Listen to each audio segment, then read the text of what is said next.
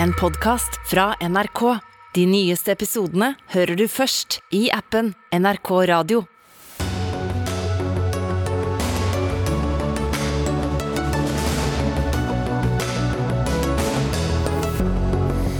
Politiets sikkerhetstjeneste tar nå over etterforskningen av dronesakene der sju russiske statsborgere er varetektsfengslet. PST og justisministeren svarer direkte om trusselen i Dagsnytt 18. Finans Norges påstand om at en ny skatt på vindkraft er en internasjonal skandale får motbør. Det skjer altfor mye internasjonalt til at det skal kunne bli en sak, ifølge Senterparti-topp. Regjeringen, som daglig har fortalt oss hvor stramme tider det er, blar opp 2,65 milliarder kroner for å kjøpe en privat eiendom. Og kan penger fra staten brukes til å promotere privatskoler? Ja, mener skolekjeden Akademiet, som gjorde nettopp det, mens en jurist mener det rett og slett kan være ulovlig. Ja, dette er Dagsnytt 18 onsdag. Jeg heter Espen Aas. Og vi skal snart uh, snakke om etterretningstrusselen mot Norge, men vi starter sendingen med den etter hvert hete debatten rundt regjeringens ønske om å innføre en grunnrenteskatt, eller en skatt på bruk av felles naturressurser. For at toppen i Finans Norge kalte skatten på vindkraftselskaper for en sitat internasjonal skandale uh, tidligere uken, uh, blir ikke tatt opp nådig i regjeringspartiet Senterpartiet for stortingsrepresentant Geir Pollestad, det er ikke det? En internasjonal skandale? Nei, det er jo ikke det. Eh, og jeg har lært en ting etter å være på høringer på Stortinget, at de som roper høyest, det er ikke alltid de som har det viktigste budskapet. Og det tror jeg her eh, Vi har en bransje som bruker norsk natur, som produserer strøm, har solgt den til rekordpriser. Eh, at vi da har mye utenlandsk eierskap. At vi da ønsker at en større del av den verdiskapinga skal bli liggende igjen i Norge i form av en grunnrenteskatt, det tror jeg veldig mange er enig i. Og det var på høy tid at vi fikk på, få på plass en sånn skatt. Den som brukte ordene var deg, Idar Kreutzer, administrerende direktør i, i Finans Norge. Hvorfor er dette en så stor eh, skandale?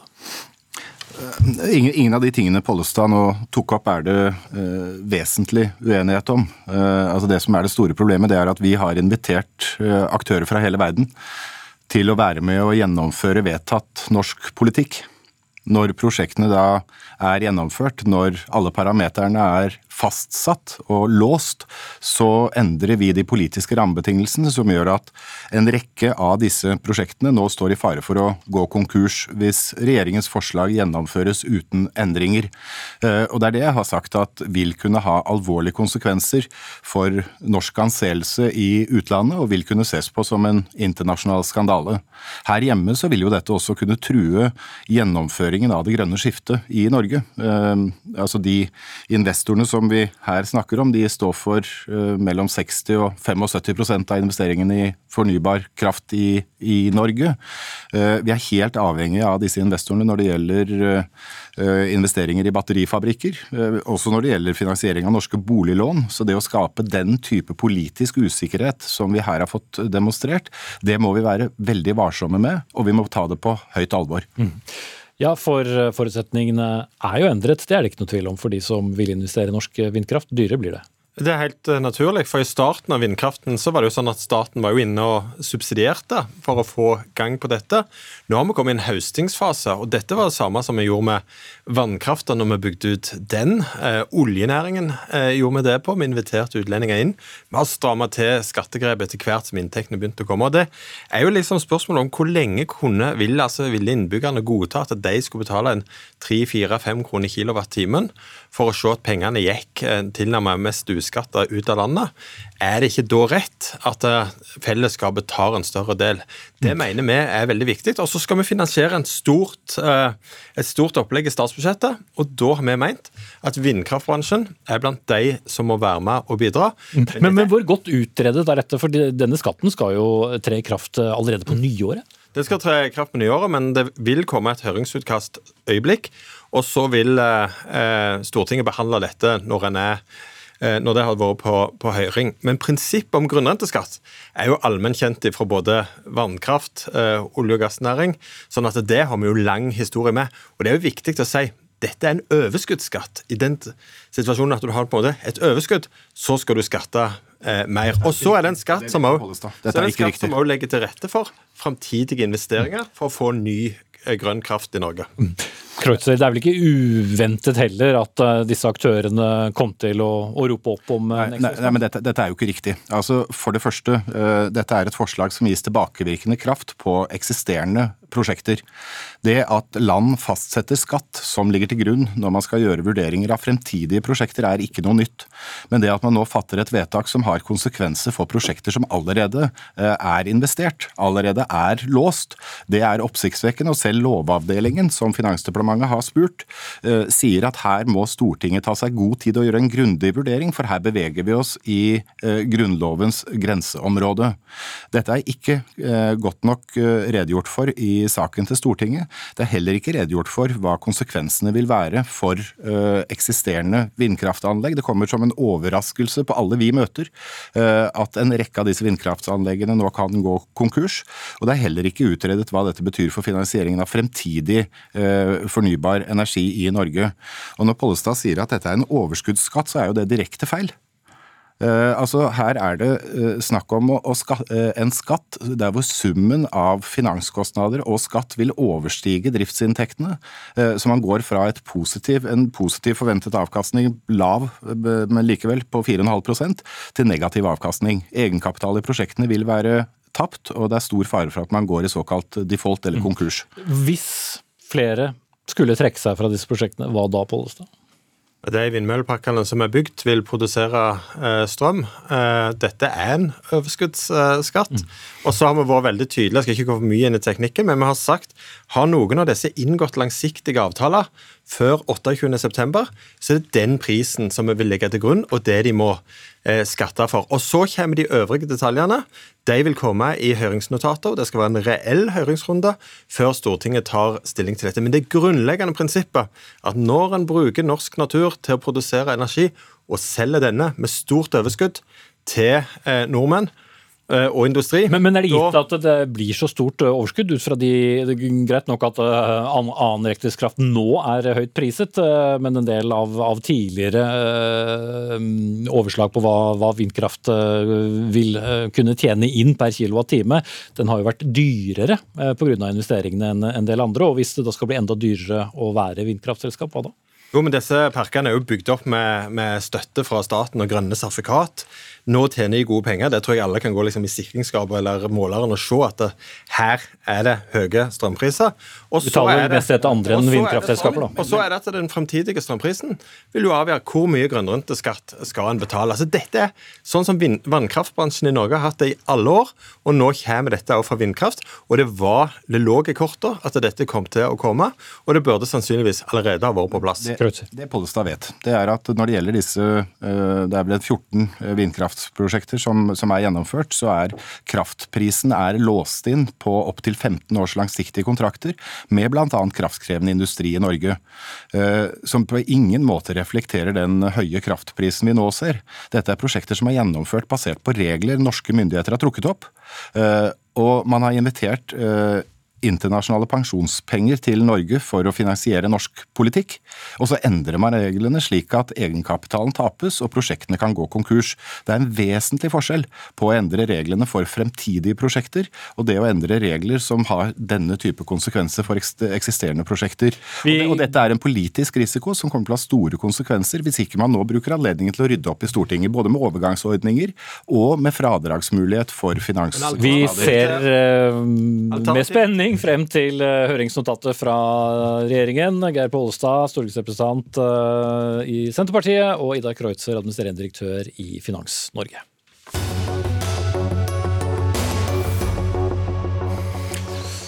Så til eh, rikets sikkerhet. Politiets sikkerhetstjeneste, PST, tar nå over etterforskningen av dronesakene etter at til sammen sju russiske borgere så langt er varetektsfengslet de siste dagene, så følge at det er blitt fløyet droner eller fotografert i Norge. Og I dag varslet også PST at det er grunn til å regne med nye metoder fra russisk etterretning fremover. Og Hedvig Moe, du er assisterende sjef i, i PST.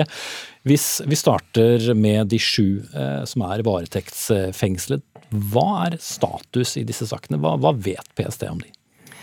Det er vanskelig å gå inn på enkeltsakene og akkurat hva som er status i hver av de, men eh, det som har skjedd nå, er jo at Riksadvokaten har besluttet at PST skal etterforske alle dronesakene i eh, Norge. Og det er jo for at vi skal prøve å behandle de likt, og for at vi skal se om det er en sammenheng mellom de, og forsøke å vurdere eh, hvem som står bak de, og hva som kan være intensjonene for det. Mm. Men hva slags etterforskning er det som skal gjennomføres? Først og fremst så jo, gjelder jo sakene det at det rett og slett er ulovlig å fly droner i Norge hvis du er russisk eh, statsborger. Eh, men så er det jo òg interessant for oss å gå litt nærmere inn i det for å finne ut av om det kan være en statlig aktør som Russland som står bak noe av det, og hva man har forsøkt å, å bruke disse dronene til. Og Vi har jo litt sånn forskjellige hypoteser. Det kan jo hende at man har forsøkt å være mest interessert i å fotografere norsk natur. I så fall så er det fortsatt ulovlig å fly droner. Eh, men det kan jo òg eh, være eh, at man har søkt å, å, å skape frykt og usikkerhet f.eks. rundt Norge sine gassleveranser, som jo nå er ekstremt viktige.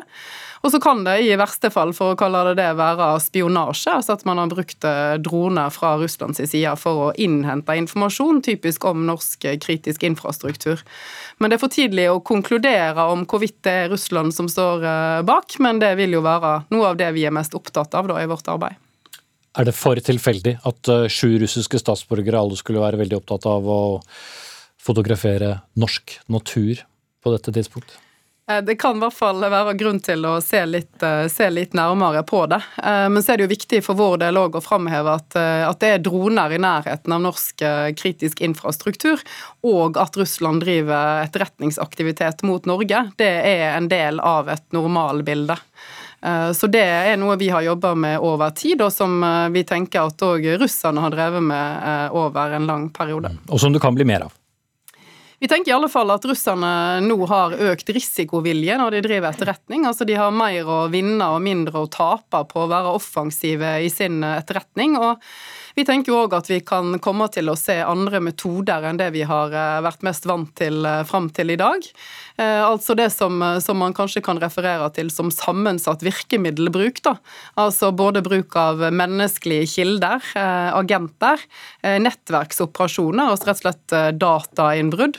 Men òg det som ikke er ulovlig, men som kan være en del av verktøykassen til de store etterretningstjenestene, som strategiske oppkjøp av eiendommer f.eks., som vil være av interesse for, for utenlandsk etterretning. Og egentlig alt det man kan bruke for å skaffe seg informasjon og komme i en god strategisk posisjon overfor oss. da. Mm. Justisminister Emilie Enger fra Senterpartiet, i dag våknet landet opp til en stengt eh, Flesland eh, flyplass. Eh, er det en sikkerhetssituasjon i Norge i øyeblikket som gjør at du har lave skuldre? Jeg er opptatt av at vi eh, har en rasjonell tilnærming til den situasjonen vi er i nå. Eh, vi har hatt en høy etterretningstrussel mot Norge over tid, og så har eh, Senterpartiet og Arbeiderpartiet i regjering vært opptatt av at når krigen i Ukraina brøt ut, så økte den. Da måtte vi også skjerpe beredskapen. Det gjorde vi allerede i vår, og derfor så har PST og politiet f.eks. økt innsats mot sammensatte trusler. Det er mange som er på jobb for å skape trygghet i Norge nå. Og så underslår ikke det alvoret i situasjonen. Vi eh, skal også framover eh, gjøre mange tiltak for å skjerpe beredskapen kanskje enda mer. Det vurderer vi hele tiden om det er behov for. Eh, men det er viktig også å si at det er veldig mange som skaper mye trygghet, og det er mange som jobber lange dager nå for å skape sikkerhet i Norge. Kan det da handle om å innskrenke vanlige norske borgeres frihet av hensyn til rikets sikkerhet? Det er noe av det som er veldig krevende med det som kan være sammensatt virkemiddelbruk. Altså det å bruke helt vanligvis lovlige aktivitet da, til uh, ulovlige formål. Det ønsker vi jo å unngå. Eh, men, og det, det, er jo også derfor dette kan være egnet til å skape uro og usikkerhet. fordi for Når det gjelder droner, så er det jo veldig mange i Norge som eh, har eh, både lov til å fly droner, og som flyr droner for helt legitime og kanskje nødvendige formål. F.eks. For eiendomsmeglere fotograferer hus, man kan bruke droner til å inspisere om kraftledninger fungerer eller har skader. altså Det er mange gode formål med droner. Men så må vi klare å sette inn tiltak som gjør at vi kan ramme de som ikke har så gode intensjoner. Men det er jo ulovlig, da, som PST, PST poengterer her, for russere å fly eh, droner i, i, Norge. Så da må det jo være et strengere, eller innføre strengere tiltak enn det er i dag. Derfor er det viktig at vi har eh, sanksjonsregelverket, bl.a. Altså sanksjonene vi innførte mot Russland eh, som en reaksjon på Russlands invasjon av Ukraina, innebærer et forbud for russere mot å fly drone i Norge. Eh, det er jo noe av det politiet sier at de har, har oppretta sak på, uten at vi vet hva etterforskningen vil konkludere med. Og så har vi jo andre regelverk for å beskytte f.eks. skjermingsverdige objekter, viktig infrastruktur, mot uvettig dronebruk. Flyplassene har jo et generelt forbud mot droneflyvning nærmere enn fem km hvis man ikke har fått tillatelse fra tårnet til å fly, fordi at det kan utgjøre en sikkerhetsrisiko mot uh, flytrafikken. I tillegg til at det kan være viktig å beskytte lufthavnene mot, uh, mot bildetaking som kan brukes inn i et etterretningsbilde. Så vi har et bredt regelverk. Og så har vi nå også styrka politi og PSTs evne til å avdekke ulovlig aktivitet. Er det aktuelt å innføre et midlertidig forbud mot å fly droner? av sikkerhetsgrunner? Vi vurderer eh, alle tiltak. Eh, Luftfartstilsynet ser nå på om det er regelverksskjerpelser man kan gjøre eh, for å enten ha f.eks. en midlertidig periode hvor man begrenser dronebruken for å få mer oversikt, eller om man kan begrense bruk enda mer, sånn at det som er nødvendig, i større grad er, er lovlig. Men det er vanskelige hensyn hvis vi skal gjøre sånne innstramminger, fordi det er veldig mange nordmenn i Norge som har rett til å fly droner. Det kan være andre i Norge som har rett til å fly droner, og som også har god grunn til å gjøre det. Mm. Politisk kommentator her i NRK, Lars Nehru Sand, eh, hvor krevende er den sikkerhetspolitiske situasjonen som regjeringen må håndtere nå? For eh, vi skal jo gjerne være rolige, vi som bor her i landet? Ja, samtidig så skal vi ta på alvor det, den internasjonale sikkerhetspolitiske situasjonen som er i vår region nå. Og vi merker jo at de, det usikkerhetsbildet kommer nærmere oss, ikke bare med eh, den antatte sabotasjeaksjonen i, Østersjøen, men også da denne dronevirksomheten. At det er grunn til å sette det i en eh, sammenheng, og at det kan være den samme, aktør, eller at man kan, kan, se for seg at Russland har et, eh, en finger med i spillet i, i, i disse sakene.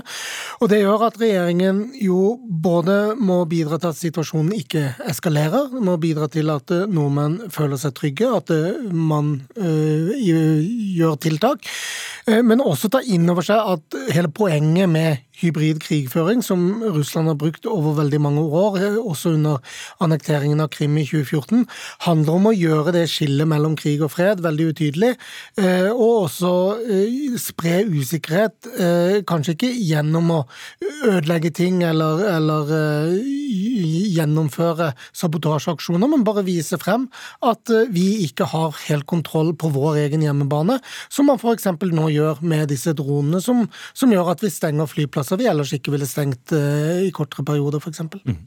Men det for en regjering å kalle det for en hybridkrig eh, kan i seg selv eh, ja, bli problematisk?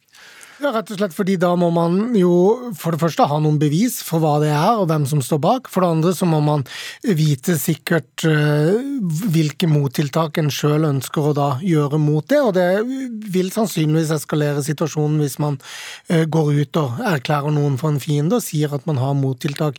Det er jo der uh, hybrid og moderne krigføring skiller seg fra tradisjonell krigføring, hvor det er mer soldat mot soldat eller stridsvogn mot stridsvogn. Her, her er ikke mottiltak tiltaket så, så, kjent. og Det kan være sammensatt virkemiddelbruk eh, over lang tid, eh, hvor hele poenget er at man ikke skal vise neste trekk, og kanskje også poenget er at man som eh, Hvis Norge blir angrepet, da ikke skal nødvendigvis ha, ha det hele og fulle bildet. Mm. Men langt mer utfordrende for bl.a. politiet. Ja, og her står vi også i en, en, veldig glidende overgang mellom hva som er et politiansvar og hva som er et forsvarsansvar. Det legger helt andre um, helt annet ansvar også på den, de beslutningstakerne som er, og, og regjeringen som øverste organ, i å koordinere den virksomheten det er riktig å sette inn uh, i denne situasjonen her. Og det gjør at også regjeringens organisering og uh, arbeid blir vanskeligere uh, i å møte en sånn type trussel vi nå står sannsynligvis overfor.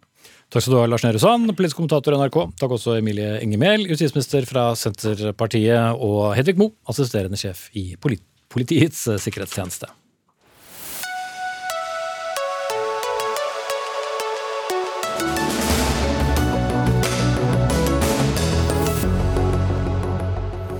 Men eh, vi gir oss ikke med problematikken rundt eh, droner, for eh, fagforbundet Lederne, som organiserer ledere og fagspesialister, rykket i dag ut med krav til regjering om umiddelbart å iverksette et nasjonalt forbud mot bruk av droner inntil sikkerhetssituasjonen i Norge og verden endrer seg. Og som justisministeren sa, så vil det bli vurdert, men det er ikke tatt noe avgjørelse her. Audun Ingvardsen, forbundsleder i Lederne, hva ligger i et nasjonalt forbud? Nei, det så, eh, Vi tenker at eh, i Lederne så tok vi til orde for dette fordi at vi tenker at nå må vi være føre var. Eh, og da tenker vi at et eh, forbud på dronebruk som ikke er nødvendig, og da tenker vi ikke på forsvar, vi tenker ikke på politi og, og eventuelt andre som har gyldige tillatelser, som vi har kontroll på hva som er oppe i luften. Det er ikke de vi tenkte på. Vi tenkte på at hvis vi tar til vet og setter alle de andre på bakken akkurat nå, så vet vi jo da, når det kommer inn ei eh, bekymringsmelding om ei drone som er observert, så vet vi at hvis ikke de har sjekka i lista si at det er en av de som har lovlig virksomhet i gang, så er dette ei, eh, angivelig ulovlig drone. Og da går det an å sette inn tiltak og være føre var. Men det er jo allerede strammet inn? Det er stramma inn, og heldigvis for det. Men jeg sitter av og til og, og tenker litt på at denne regjeringa har en veldig god tendens til å si at eh, vi, vi, venter litt og ser. Det gjelder jo ikke bare denne saken. Eh, og, og, her tenker vi at når fagekspertisen i f.eks. For i Forsvaret sier at det hadde vært veldig mye lettere å håndtere denne situasjonen hvis det var et generelt forbud på all ulovlig eh, dronebruk, eller all unødvendig dronebruk, for kan vi vel si. For det er jo litt lystbetont innimellom. Og så finnes det masse, slik som jeg hører justisministeren sa nettopp òg, da finnes det jo masse fornuftig bruk av drone. Så jeg tror jo drone er kommet for å bli. Det, men kanskje vi skal være føre var akkurat nå. Anders Martinsen, du er daglig leder i UAS Norge, som er da den norske bransjeorganisasjonen for droner. og Før sending advarte du sterkt mot et midlertidig nasjonalt forbud, men et forbud à la det som vi hører om her, er, er det noe dere kan leve med? Dette vil eh, ramme helt feil. For det første så må vi bare understreke at eh, det vi handler om her, vi er ikke uenige i målet om å få kontroll, men da må vi først bruke eksisterende verktøykasse som finnes, og så må vi akseptere at den ikke er egentlig tatt i bruk i dag fullt ut, og så må vi se effekten av den.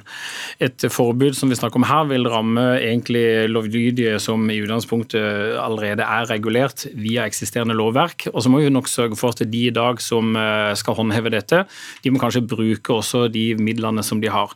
Jeg minner om at vi allerede i over 15 år har hatt restriksjonsområder som er permanente for steder som vi i dag omfatter som kritisk infrastruktur. Men når det kommer til anmeldelser eller bøtelegging av folk som har brutt dette, så er det svært lave tall som vi ser. Primært så er det knytta til områder rundt lufthavner, og det er selvfølgelig nulltoleranse for aktivitet som setter eh, flyplasser og flysikkerheten i fare. Så, så, så det skader mer enn det gagner? Det, ikke, det treffer helt utenfor det målet som du ønsker. Kontroll, eh, hører jeg du sier, det er vi helt enige om at vi ønsker. Men da tror jeg vi må se tilbake på hvilket virkemiddel vi faktisk må bruke for å få kontroll. Og Der finnes det teknologier og muligheter i dag som kan brukes, men det er ikke forbud veien å gå. Ingevartsen. Ja, men jeg, jeg, hører hva du sier, men, men, skal vi vente at vi får en uønska hendelse fordi at vi skal drive med, med, med droneflyging som ikke strengt tatt er nødvendig når vi har en krisesituasjon? Vi har en krig gående i Europa. Vi har et naboland med, med en, en, krigsherre der som, som gjør det han gjør. Eh, og da kombinert med, med dette, så det angivelig er i alle fall unormal dronebruk, eh, som vi får stadig flere rapporter om, så er spørsmålet skal vi ikke bare da eh, si at det er en relativt liten pris å betale hvis vi ikke får lov å fly alt vi har lyst til? Hvis vi da har regulerte rutiner og, og, og retningslinjer for at nødvendig dronebruk må jo finne sted framover òg. Norsk dronebarometer fra november i fjor sier at 464 000 nordmenn har en drone. Tenker du at politiet skal stoppe hver eneste samtale eh, hvor de får inn og sier du, nå har vi hatt noen som flyr drone i nærheten, skal de rykke ut? Nei, det må jo bli det. Jeg skal iallfall ikke være med og lage reglene. Da regner jeg med at myndighetene gjør det. Jeg ble sjøl stoppa i dag. Jeg var på Sørenga. Da var det mm. noen som hadde lovlydig tatt, og, tatt opp telefonen og mm. ringt fordi de så en mistenkelig mm kanskje sørlending som Havneområdet i hovedstaden, flere som ikke har Men, geografi i eh, behold. ja, eh, Poenget mitt er ganske enkelt at eh, Vi kan ikke ha det slik at eh, 500 000 nordmenn blir satt på bakken. Vi kan heller ikke ha det slik at det er 20 000 registrerte operatører som utfører samfunnsnyttige oppdrag. Vil du eh, ha mindre strøm eh, i bryteren din hjemme, så får du det ved å få et forbud. For Det betyr bl.a. at alle de i dag som har nasjonale droneprogrammer, vil bli regulert ned via et forbud. Det betyr at eh, Bærum kommune ikke vil kunne levere blodprøvene sine. Det betyr at Statens vegvesen ikke får tatt og gjort inspeksjon av broene sine. Men det var ikke det du tok til orde for? Og det, og det er heller ikke det, det, det er ikke det vi har gått ut med i dag i pressemelding. Vi har sagt at det finnes det en del annen flyging som er aldeles unødvendig å, å, å gjøre akkurat nå i, i disse tider. Men er du registrert som operatør og har en operatørtillatelse, så har du strengt tatt i utgangspunkt tilgang til luftrommet. Da må vi heller bruke teknologien for å regulere oss til å kunne bruke det og dele på det. Men, men hvordan kan man gjøre det? Altså, jeg regner med Du har vel først og fremst interessen til dine medlemmer eh, også med deg i pannebrasken eh, her. Ja, altså, altså, hvordan, hvordan kan teknologien eh, regulere det, mener du? Ja, altså, jeg tror først og fremst at Det skillet som du påpeker er allerede gitt. For de 460 000 nordmenn og 20 000 registrerte, der har du skillet. Så hvis vi sier at de 20 000 registrerte de har allerede gjort en solid innsats for å kvalifisere og kunne få fly trygt og sikkert. De er i utgangspunktet kvalifiserte til det. Deteksjonssystem, systemer som gjør at vi vet hvor de er, når de er og hvem de er. Det gjør at de respektive myndighetene kan da skille de ut fra andre på en bedre kvalitativ måte enn det vi gjør i dag. Men det er jo åpenbart noe som ikke fungerer sånn som det er iallfall tenkt i de reglene som er laga så langt. og det er Da vi sier at da kan det jo være en, en enkel eh, måte å, å starte med et eh, mer restriksjoner enn det er i dag. og Så får de laga regler for eh, hvem som skal ha rett til fly. og alt som er Dronereglene er det i utgangspunktet ikke Jeg- noe jeg- galt med. Nei, eh, det kan godt hende, men, men når vi får bekymringsmeldinger fra de som har arbeidet sitt og, til, og flyr til og fra oljeinstallasjoner, når vi får bekymringsmeldinger fra medlemmer som jobber innen kraftkrevende industri om uidentifiserte droner som henger over anleggene og over inngangene til, til disse bedriftene, skal vi, skal vi ikke da si at den situasjonen vi er i, og den trusselen som er mot landet vårt nå, kan vi ikke da stramme litt inn og betale den prisen? Det skal i hvert fall myndighetene ta stilling til. Audun Ingvardsen, forbundsleder i Lederne, og Anders Martinsen, daglig leder for UAS Norge. Senere i eh, Dagsnytt eh, 18 så skal eh, vi eh, snakke om eh, saker som eh, blir avpublisert. Rett og slett forsvinner fra nettsider der de har vært publisert, fordi de ikke var det mediene trodde. Men er det helt riktig? Mer mot slutten av sendingen.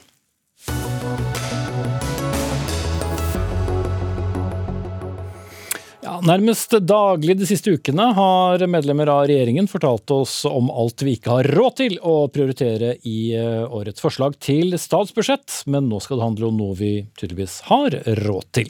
For for en drøy time siden bekreftet eh, statsminister Jonas Gahr Støre at regjeringen har kjøpt en av landets største privateiendommer, Meraker Bruk i Trøndelag. Et areal på 1,2 millioner mål med virksomhet i flere trøndelagskommuner. Kjøpesum fra Statskog 2,65 milliarder kroner. Og statsminister Jonas Gahr Støre, du er med oss fra Værnes lufthavn, hvor du er på vei til hovedstaden etter å ha avholdt denne pressekonferansen. Hvorfor er dette riktig pengebruk? Det er riktig fordi at vi på denne måten sikrer at fellesskapet får eiendom til denne store private eiendommen som nå er lagt ut for salg. Du sa 1,2 millioner mål, 200 000 av dem er produktiv skog. Her er det jakt, fiske, friluftsliv. Vi sikrer nå for ettertiden at fellesskapet eier det. Det var private stiftelser som eide denne eiendommen, forvaltet den godt. De la den ut for salg, og her var det, var det både utenlandske og norske interessenter. Og Med dette så plasserer vi en del av det som er norsk formue i denne store eiendommen. Det er ikke på linje med å bruke penger over statsbudsjettet til likt og ulikt. Her skal vi fortsatt ha en stram linje. Men her sikrer vi at vi har som fellesskap eierskap til en veldig viktig del eh, av det produktive skogen i Norge, som nå Statskog skal eie og drifte på en god måte. Men er dette et kjøp som eh, vil gi en økonomisk gevinst for staten, eller er det viktigst å sikre eiendommen? Altså Når vi gjør dette, så gjør vi dette veldig grundig. Vi har hatt en finansiell rådgiver som gir oss råd på hva det er fornuftig å delta med i en sånn budrunde som dette. Statskog er en veldig profesjonell aktør på vegne av oss alle. Og det som her har blitt den endelige markedsprisen, er innenfor den rammen som vår rådgiver har ment at det har vært fornuftig å, å by på.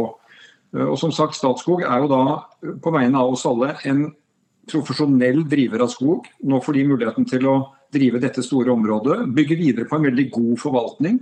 De kommer til å samarbeide nært med Meråker kommune.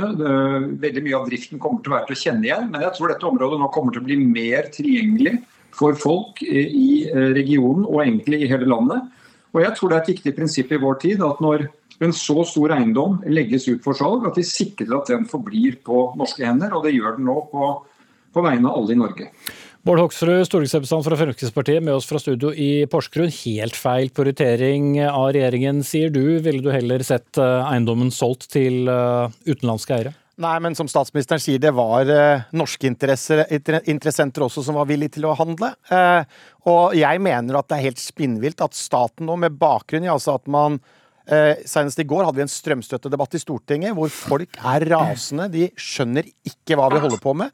Og her har man også råd til å bruke 2,65 milliarder kroner, men man har ikke råd til å hjelpe næringslivet. Vi påfører 46 milliarder kroner mer i skatteøkninger fra eh, Støre og finansminister Vedum eh, og de, de, partiene til vanlige folk ute. Jeg tror mange ikke forstår at man kan bruke 2,65 milliarder på dette. Og man kunne Tror du ikke 1,2 millioner mål skog også har en egenverdi, Hoksrud? Det har definitivt en egenverdi, men det er altså norske interessenter som var interessert i å være med her. Og vi har altså sett norske investorer som har kjøpt eiendom i Norge, og jeg forvalter den på en veldig veldig god måte. Så det er jo ikke sånn at det bare er staten som klarer å gjøre det på en god måte. Og så mener jeg at man må ha med seg som sagt, det økonomiske her, når man i lang lang tid har sagt til folk at det blir et stramt budsjett. Jeg tror mange reagerer kraftig når de sier at man bruker nesten 3 milliarder kroner. De kutter 1 milliard kroner for å bygge flere sykehjemsplasser. Vi vet at det kommer flere eldre. Det er klart at sånne ting provoserer da når staten bare plutselig Her har de nesten 3 milliarder. Mm.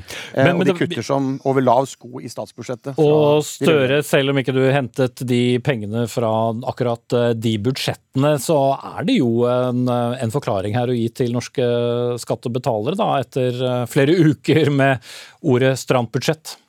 Nei, fordi at eh, budsjettet må være stramt. og Det handler om å hindre at renta går og at prisen stiger fortsatt. og Det kommer vi fortsatt til å ha.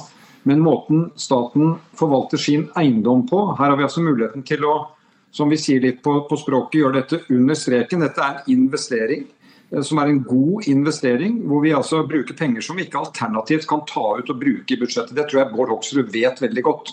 Så nå spiller han på noen Frp-strenger her som er helt feil. Det gir ulyd, Bård Hoksrud, for dette er ikke penger som du kunne tatt ut og gitt til bedrifter eller til sykehjem eller noe annet. Dette er å flytte en formue Norge har, over på noe som er produktiv skog, og sikre en verdi for ettertiden. Og så vet jo jeg at Bård Hoksrud har jo vært med i regjering hvor vi har solgt ut veldig viktig eh, felles skog til utlandet til andre. Jeg mener det har en egenverdi for Norge at vi sikrer at dette forblir på fellesskapets hender under veldig profesjonell og god investering av Statskog. Hoksrud. Ja, det er jo veldig spesielt det statsministeren nå sier. Jeg skal bite meg merke det, for det betyr altså at når vi investerer i infrastruktur, så sier statsministeren at det kan vi ikke gjøre, for det går utover statsbudsjettet. Men det handler også om å forvalte formuen vår på en god måte. Så jeg skal, jeg skal ta med det statsministeren sier, Så så blir det jo interessant etter hvert da, å se hva de sier. Men også skal jeg jo nesten ha med at dette er altså nesten like mye som all strømstøtte til næringslivet i Norge.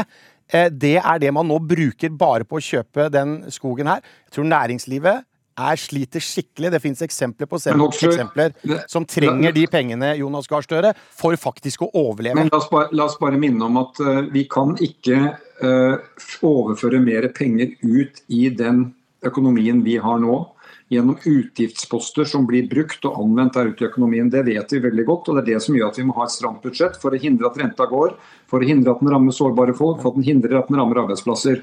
Men hvor staten plasserer en del av sin eiendom, det er noe som handler om et langsiktig ansvar vi har. Og Vi har faktisk et langsiktig ansvar for å ta vare på at store, viktige skogverdier, fellesskapsverdier, forblir på trygge norske hender. Og det gjør det nå når Statskog profesjonelt går inn og skal eie denne store eiendommen. Skal slippe til en tredjemann eh, i studio. Bare minne om sist vi hadde den store diskusjonen om penger under strek, så var det en viss fregatt eh, som vi hentet eh, penger til i forrige regjeringsperiode. Lars Haltbrekken, stortingsrepresentant fra SV. Dere har ivret lenge for at dette området skal nettopp eies av, av staten. Men hvorfor er det så viktig at staten skal eie så store private eiendommer? Eller til nå, da? Det er viktig at vi sikrer sikre så store natureiendommer på fellesskapets hender. Det var en reell fare her for at det var utenlandske oppkjøpere som kunne stikke av med eiendommen. Og det kunne også vært norske investorer? Det kunne det også vært. Men det som er noe av utfordringene her, er at i tillegg til at dette er et viktig friluftsområde med eh, jakt og fiske, så er det også et stort reinbeiteområde. Staten tar nå på seg et stort ansvar for å forvalte dette området på en skikkelig måte, som gjør at også reindrifta kan fortsette som før. Hadde du fått private eiere inn her, utenlandske eiere inn, så kunne du fort ha fått stykka opp området i mange mindre enheter, som ville ha gjort det vanskelig for reindrifta f.eks. å drive uten konflikter eh, i eh, området. Ikke bekymret for det, Hoksrud? Jeg, jeg, tror at dette, Vi ser altså private investorer de vil faktisk ivareta verdien og eiendommen sin på en god måte. Og som jeg sa, Bjørn Rune Gjelsten kjøpte et stort eh, eh område i Verdalen, 900 000 mål. Og han har ivaretar det på en veldig veldig god måte. Så det er jo ikke sånn at det bare er staten som kan det. Også når man sier at man frykter utenlandske investorer, ja hvis man f.eks. er russiske, kinesiske og andre, så har man en sikkerhetslov som også gjør at man kan ivareta det. Og det var også andre norske interessenter som ønsker ja, å kjøpe dette området flere ganger. dette er jo ikke noe nytt fra Fremskrittspartiet. Fremskrittspartiet har jo helt siden det ble stifta på 70-tallet ønska å selge Norge bit for bit. Den gang så ønska de jo å selge rettighetene til uh, oljen og gassen på norsk sokkel, ja, også til utlendinger. Og vi skal være forferdelig glad for at vi ikke hørte på Fremskrittspartiet den gang.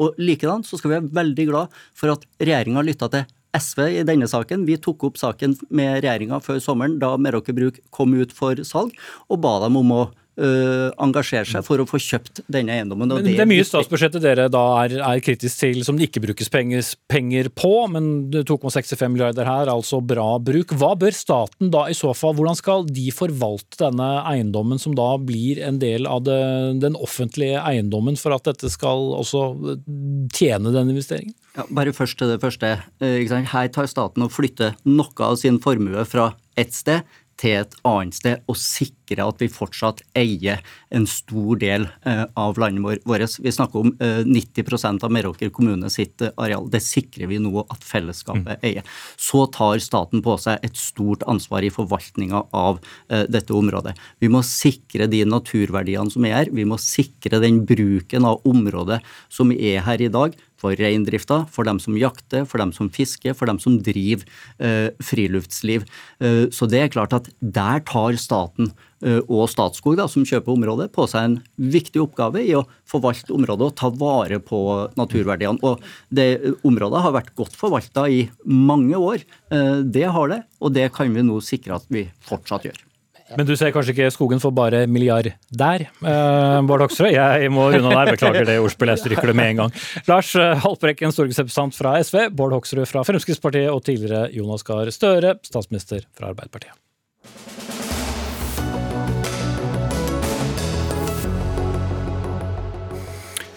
Skolekjeden eh, Akademiet brukte offentlige penger som eh, skal, skulle gå til friskolene sine, til å reklamere for privat Artistskolen. Ja, det avslørte Klassekampen tidligere denne uken. Det hele skjedde via VG-profil og påvirker, eller influenser om du vil, Vegard Harm, som eh, i filmer ble brukt som privatistelev ved Akademiet i VGTV-serien Life of Harm. Og Han delte også innlegg i sosiale medier hvor han promoterte både friskolene og privatisttilbudet til Akademiet. Gøril eh, Bjerkan, jurist og økonom. Eh, du har sittet i velferdstjenesteutvalget og sitter nå i avkommersialiseringsutvalget. Du mener at denne formen for pengebruk kan være ulovlig. Og dette er litt eh, komplisert når, et, når, når det drives to virksomheter, både en som kan få offentlig støtte og en som skal betales av private penger. Det er nettopp det som er problemet. Den skolen som mottar offentlig støtte, har sterke begrensninger på hva den kan bruke pengene til. Det mm, er knytta til det såkalte utbytteforbudet i, i friskoleloven, eller privatskoleloven som det nå heter. Eh, og det sier at alle offentlige tilskudd skal komme elevene til gode. Og da gjelder det eleven, elevene i den skolen som mottar offentlig støtte. Og da er det altså ikke slik at akkurat de mm, kommersielle tilbudene som eh, akademiet måtte ha, eh, privatistskoler eller annet, kan føre kostnader som er knytta til den virksomheten, på uh, den virksomheten som mottar offentlig støtte. For å prøve å forenkle denne mer, det at det reklameres både for friskoletilbudet og privatisttilbudet samtidig, er det det som gjør det da eh, problematisk? Ja, det kan du si. Det gjør det problematisk å skulle fordele kostnadene. Um, og da, Det blir jo egentlig et spørsmål om faktum her. I hvilken grad er det reklamert for begge tilbud i samme reklame? Um, Eh, og det er jo ikke noe vi her på Dagsnytt 18 kan sitte og bli enige om. Eh, Men jeg kan stille spørsmålet til deg, Siri Kristin Jensen, for du er markedsføringssjef i, i Akademiet. Hvordan var denne pengebruken, og hvordan skiller dere dette? Ja, Akademiet ble startet med motivasjon om å bidra positivt inn i Skole-Norge eh, og, og, bli Norges beste skole, og det har vi klart. Eh, Bl.a. referert til Elevundersøkelsen. Men til å svare på det jeg spurte om i stedet? Eh, og vi har hatt et lengre samarbeid med Vegard Harm gjennom bl.a. flere sponsorater. Dette sponsoratet høsten 2019 så ble han faktisk reelt elev hos oss. Ehm, sponsoratet det fulgte eh, han eh, som elev med produktplassering, som vanligvis består da f.eks. av momentene framvisning av logo eh, og at merkevaren Men hvor kom pengene fra? Ble det da finansiert med offentlige midler som dere hadde fått til friskolevirksomheten deres? Dette var et felles eh, markedsføringsprosjekt, en felles kampanje for friskolene og privatistskolen, som ble fordelt eh, mellom de to, 80-20, basert på omsetning. Og det mener dere at dere har full anledning til? Ja. Men det er det du mener er litt problematisk, Berka? Ja, det, det kan være problematisk. I den grad ikke 80% av denne reklamen faktisk er kommet uh, elevene i friskolen til gode. Og Det er det ene. Uh, det, det, andre, og, som også bør være tema her, uh, det er i hvilken grad det er greit at friskoler benytter offentlige midler på å reklamere for sine tilbud. Det er jo et lite paradoks at staten skal støtte skoler eh, som så skal bruke penger på å reklamere for sine tilbud i konkurranse med de offentlige skolene. Um, det har vært tema på barnehagesektoren, altså andre private aktører som får uh, tilskuddsfinansiering. Uh, og jeg tenker det, det er også et uh, tema noen les tilsynet kan se på. Ja, for, for, regningen går jo da til morselskapet som eier begge, begge virksomhetene hos dere i Akademiet. og hvordan, hvordan fordeler vi da 80 av regningen til ene stedet og 20% av det andre, og hvordan vet man at da friskoledelen gagner akkurat den andelen som eh, betalte for eh, reklamen? Ja, jeg skal svare på det etterpå med reklame. Eh, når det gjelder 80-20-fordelingen, så er det basert på at totalt omsetningen til Akademiets virksomhet er 80-20. Faktisk ikke helt 80-20 heller. De videregående skolene eller friskolene står for i overkant av 80 av omsetningen, og privatistskolen for i underkant av 20 og Derfor er felles prosjekter eh, vurdert til å bli fordelt på denne måten når eh, begge virksomhetene har eh, utbytte, effekt og nytte drar nytte av men, men, det er vanskelig å si at da friskoledelen, eller privatskole som noen også kaller det, da eh, fikk 80 nytte av eh, reklamekampanjen, mens den andre fikk 20? Eh, vi kan jo måle eh, veldig mye, eh, bl.a. effekten av disse kampanjene og merkevaren vår. Og disse kampanjene har vært veldig vellykkede. Vegard Harm har vært en fantastisk person å samarbeide med for oss i så måte, mot målgruppen de har både for i videregående skolen og privatistskolen. Han ble også invitert, men eh, takket nei. og så ja. kan han så mye å tilføre her. Men eh, en tredje person her er deg, Tonje Brenna, kunnskapsminister fra, fra Arbeiderpartiet. Er det grei bruk av offentlige midler? Dette er jo et veldig godt eksempel på at skole i grunnen ikke er egna for den type markedstenkning som vi har mange andre steder. Det er jo ikke sånn at eh, våre ungdommer går, når de skal velge skole, eh, bør tenke som man gjør hvis man går inn i en butikk og skal velge et eller annet produkt, at man liksom skal velge skoleplass. Og privatskoleloven er jo helt tydelig på at penger bevilga til skolene skal komme elevene til gode. Men vi har de siste åra likevel sett en ganske stor økning i antall private skoler, samtidig som vi har en nedgang i antall offentlige skoler. Og summen av mer konkurranse, mer privatisering og mer type fokus på dette, nemlig konkurranse om elevene, at penger går til markedsføring og den type ting, det, det viser bare egentlig det jeg har vært opptatt av hele tiden, at vi må stramme inn på reglene overfor de private skolene. Vi må vite, som bevilgende myndighet, som tilsynsmyndighet, som innbyggere i Norge som betaler skatt, at pengene vi bevilger til skole, går til skole og til opplæring. Mm. Men, men, hvis det handler om å få flere elever til skolen sin, gagner ikke det elevene? Ja, ja, Det er jeg jammen ikke helt sikker på. At reklamekampanjer for en skole er bra for de elevene som går i skolen. Eh, og sant, når vi bevilger penger til opplæring, så er det fordi du skal ansette lærere, du skal sørge for å ha et undervisningsopplegg som gjør at hver enkelt elev er sikker på å få det hun eller han har krav på, vi skal vite at det er god nok kvalitet på opplæringa. Og da må vi jo bruke pengene på opplæring, og ikke på alt mulig annet. Og det er jo ikke sånn at skole heller blir bedre av at man bruker masse ressurser på å konkurrere nærmest i et marked om å få flest mulig elever.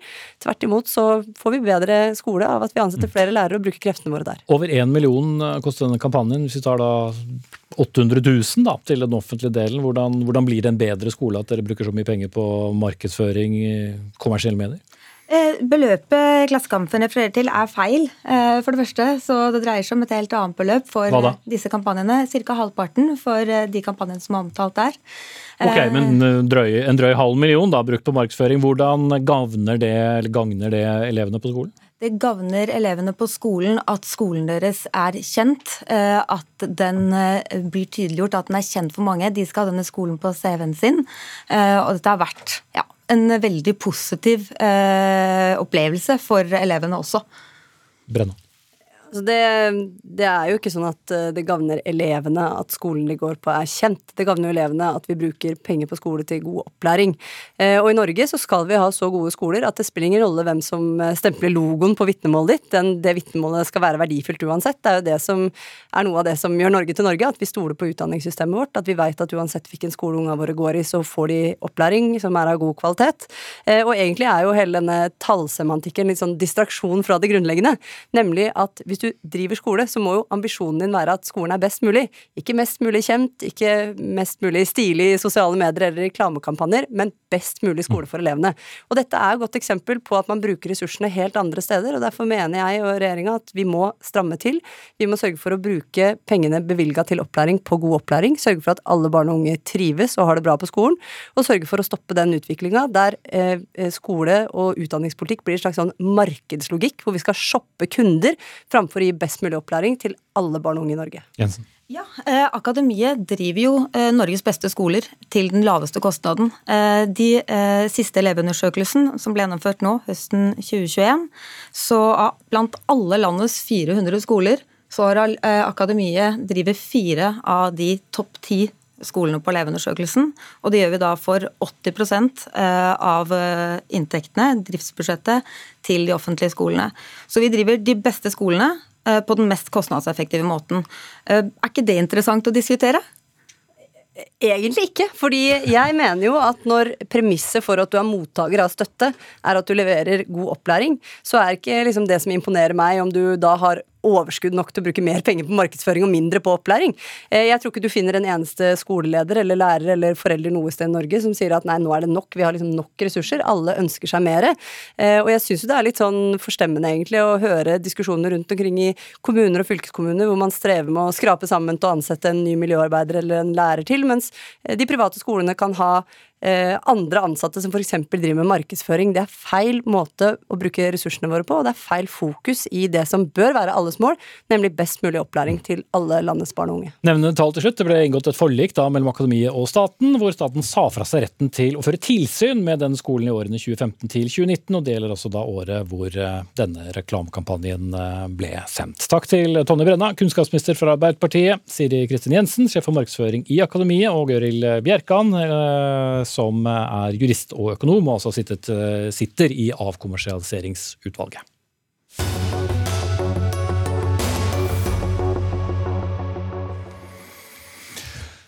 Alle kan eh, gjøre feil, også vi i mediene. Tenk, men hva gjør vi når vi har eh, gjort feil og oppdager det? Flere norske medier skrev i sommer om en dramatisk, eh, dramatisk hendelse i forbindelse med masseskytingen i Oslo sentrum, i nærheten av London pub. I ettertid viste at historien ikke var helt som den hadde blitt fremstilt, og de samme mediene som hadde trykket saken, har fjernet dem eller som du kaller det, Erik Stefansen, politisk redaktør i Nettavisen, dysset den ned. Hva mener du flere norske medier, herunder NRK og Aftenposten, dysset ned?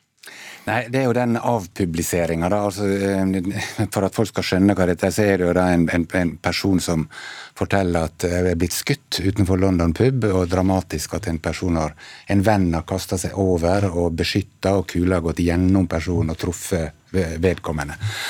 Og så viser det seg at dette da, som du sier, er ikke helt riktig. Og så kommer dementier da i Aftenposten og NRK, TV 2, eh, flere andre aviser. Avisa Oslo. Ja. Eh, Avisa Oslo, som da ikke forteller hva det dreier seg om.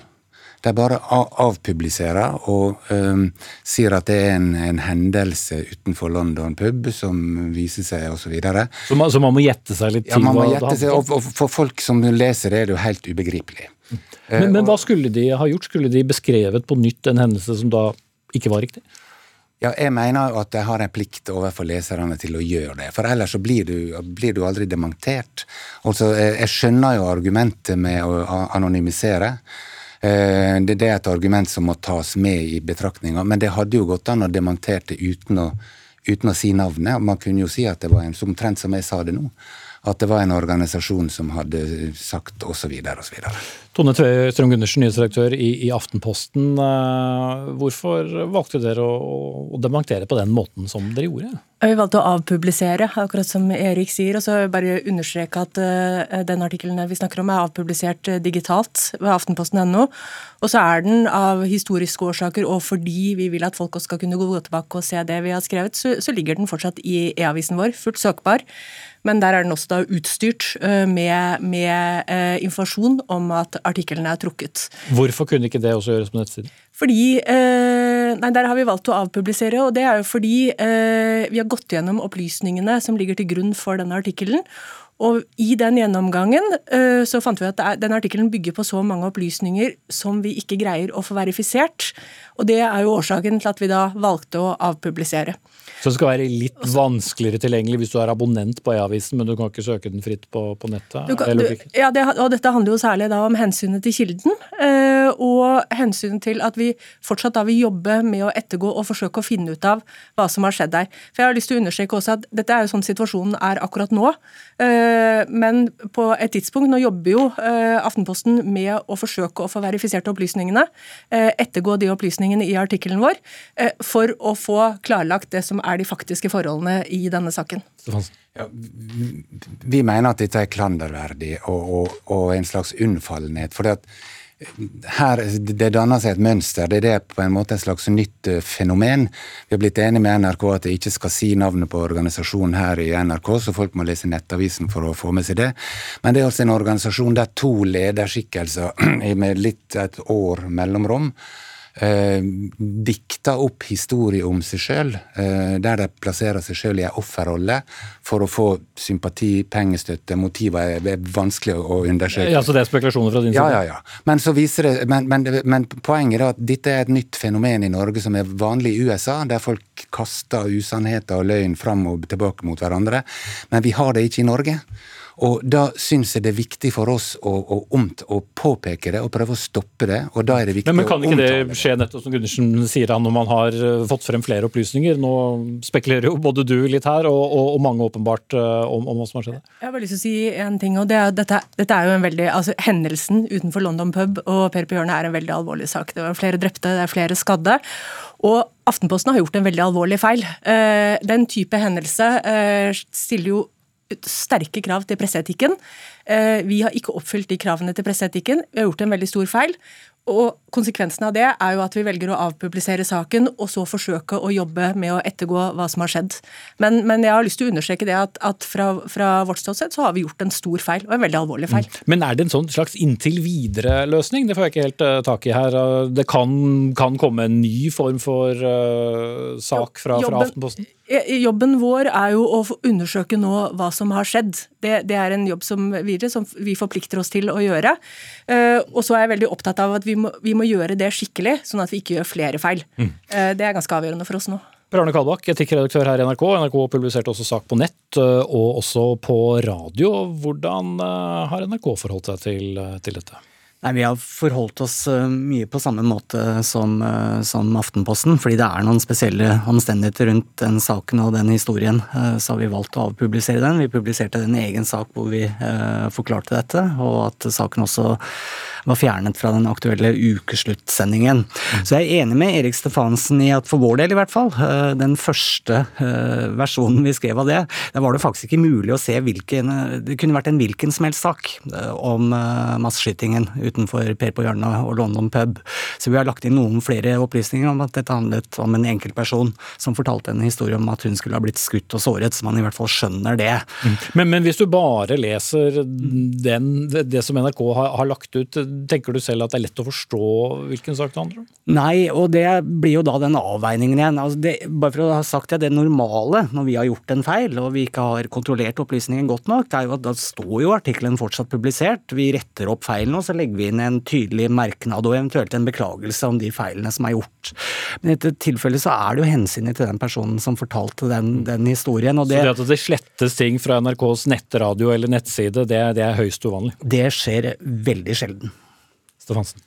Altså, jeg, jeg, jeg, skal jo ikke spekulere i motivene deres for å gjøre sånn som dere gjorde, men det er jo lett å tenke eh, at, at det kan ha med berøringsangst å gjøre. Også det at, at, man tror at ved å skrive om disse tingene her, så skaper man fordommer mot homofile, eller fordommer mot minoriteter, eller kanskje begge deler. Eh, Men det, hensynet til hovedpersonen som begge bruker som grunn, tror du ikke helt på da, eller? Jo, jo, jo. jo, jo. Og, og, jeg har sagt at det finnes gode grunner for Man skal alltid veie personhensyn opp mot samfunnsinteresse. Og det, det kan være en vanskelig avgjørelse. og der havner de på den sida, og vi havner på den andre sida. For vi mener samfunnsmessige eh, argumenter her veier tyngre. Og vi tror også det at at det, jeg tror den berøringsangsten som jeg nevnte, at den skaper mer fordommer enn mindre fordommer. Ja, og, og, La oss bruke den, for det har jo vært å se i, i andre medier i andre land at det blir vært brukt som grunn at det uh, kan føre til hets uh, mot minoriteter osv. Har det spilt inn her for NRKs del? Nei, dette handler, handler om den, den enkeltpersonen, rett og slett, og hensyn, hensynet til henne. Og jeg er enig i veldig mye av det Erik Stefansen skriver om det prinsipielle i sin kommentar i Nettavisen, men jeg, eh, vi kobler ikke denne historien til den organisasjonen. Vi mener at dette har mer å gjøre med det hun har fortalt som privatperson. Mm. Gundersen. Ja, eh, det samme. Her er det jo først og fremst kravene til faktakontroll som avgjør øh, hva vi velger å snakke om og ikke.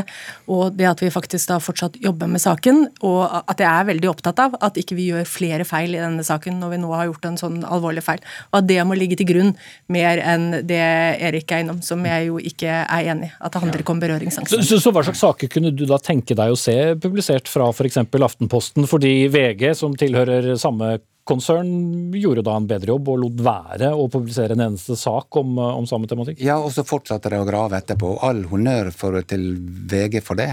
Eh, og det, og det men et, et, jeg, tror ikke det kan være så veldig problematisk å lage en, en, orientering til leseren samtidig som du velger å avpublisere eh, omtrent hva slags historie dette er, slik at ikke folk kan tro at det kan være hva som helst historie utenfor eh, London pub. For det er jo som du sier en svært alvorlig sak. Og et moment til som jeg vil gjerne nevne, det er jo at vi har jo grupperinger ute på ytterste høyre fløy, uh, ute der alle konspirasjonsteoriene bor, som, som kritiserer oss i i, redaktørstyret med medier som de kaller for mainstream media, og kritiserer oss for at vi ikke skriver ting, vi holder ting skjult osv. Og så gjør vi akkurat det nå. Vi skriver ikke om ting. Og, det, og folk må ut eh, på nettsteder og sånn for å lese om det.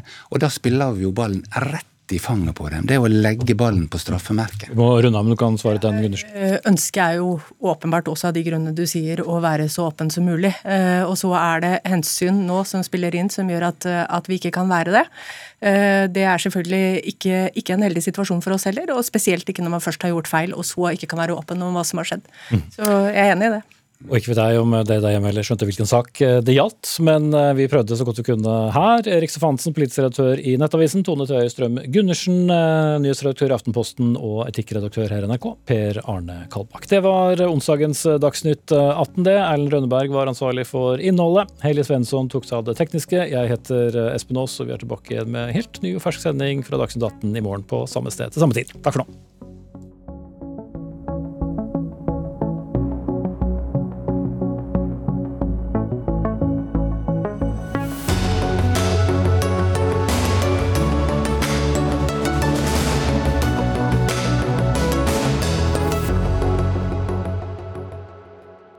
Du har hørt en podkast fra NRK. De nyeste episodene hører du først i appen NRK Radio.